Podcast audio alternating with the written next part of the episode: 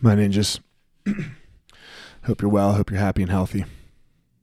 Let's continue with the last part of the quote. It kills the very good and the very gentle and the very brave impartially. If you are none of these, you can be sure it will kill you too. But there will be no special hurry. What's he saying? What's the quote? What's what are we what are we talking about today? For me, it's very simple. Look, I don't know if I'm right on any of this shit by the way. It's just how I see it. For me, it's just reminding me that I'm going to die. You can't run from this fact. The world takes us all. The universe grasps us and says, Time to go. And do we know? We don't know what that go looks like. We don't know where that go is. We don't know any of that.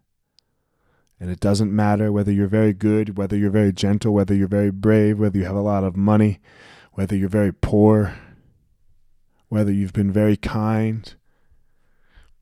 There's no act that you can do that is going to save your life in the way that it won't end. What are you going to do with today? How are you going to live your life today? Is the question. What are you going to do with this knowledge? You can either be scared and let it break you, let, let, let this fact break you. Most of us live our lives in a way that it's not going to end. That's why this whole pandemic is fucking with us. You know, outside of some other political reasons. But yeah, the world got shut down. Your life got fucked with. You thought about your own death. All of us did in the beginning. We should think about our own death every day and let that and let that decide how it is we're going to live. You could die today, not from a pandemic. Not who knows what from. What do you do with that? What are you going to do with that information? That should be that should be your motivation. That should be your trigger point. That should tell you how to treat every single person that you come in contact with today.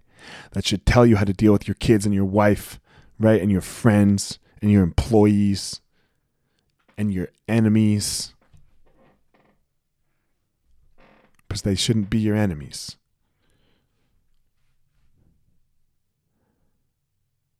Because life could end right now. And is that really how you want to go out with them with somebody being your enemy? Is that really how you want to go out? Now that doesn't mean you can't like stand your stance and and stick up for yourself, but do they have to be your enemy? Do we have to hate? I don't think so. Because nobody ever found their power that way. And we know what the goal of this whole thing is. If you're listening right now, we know what the goal is, why you're listening. It's so that we all can go out there and find your power.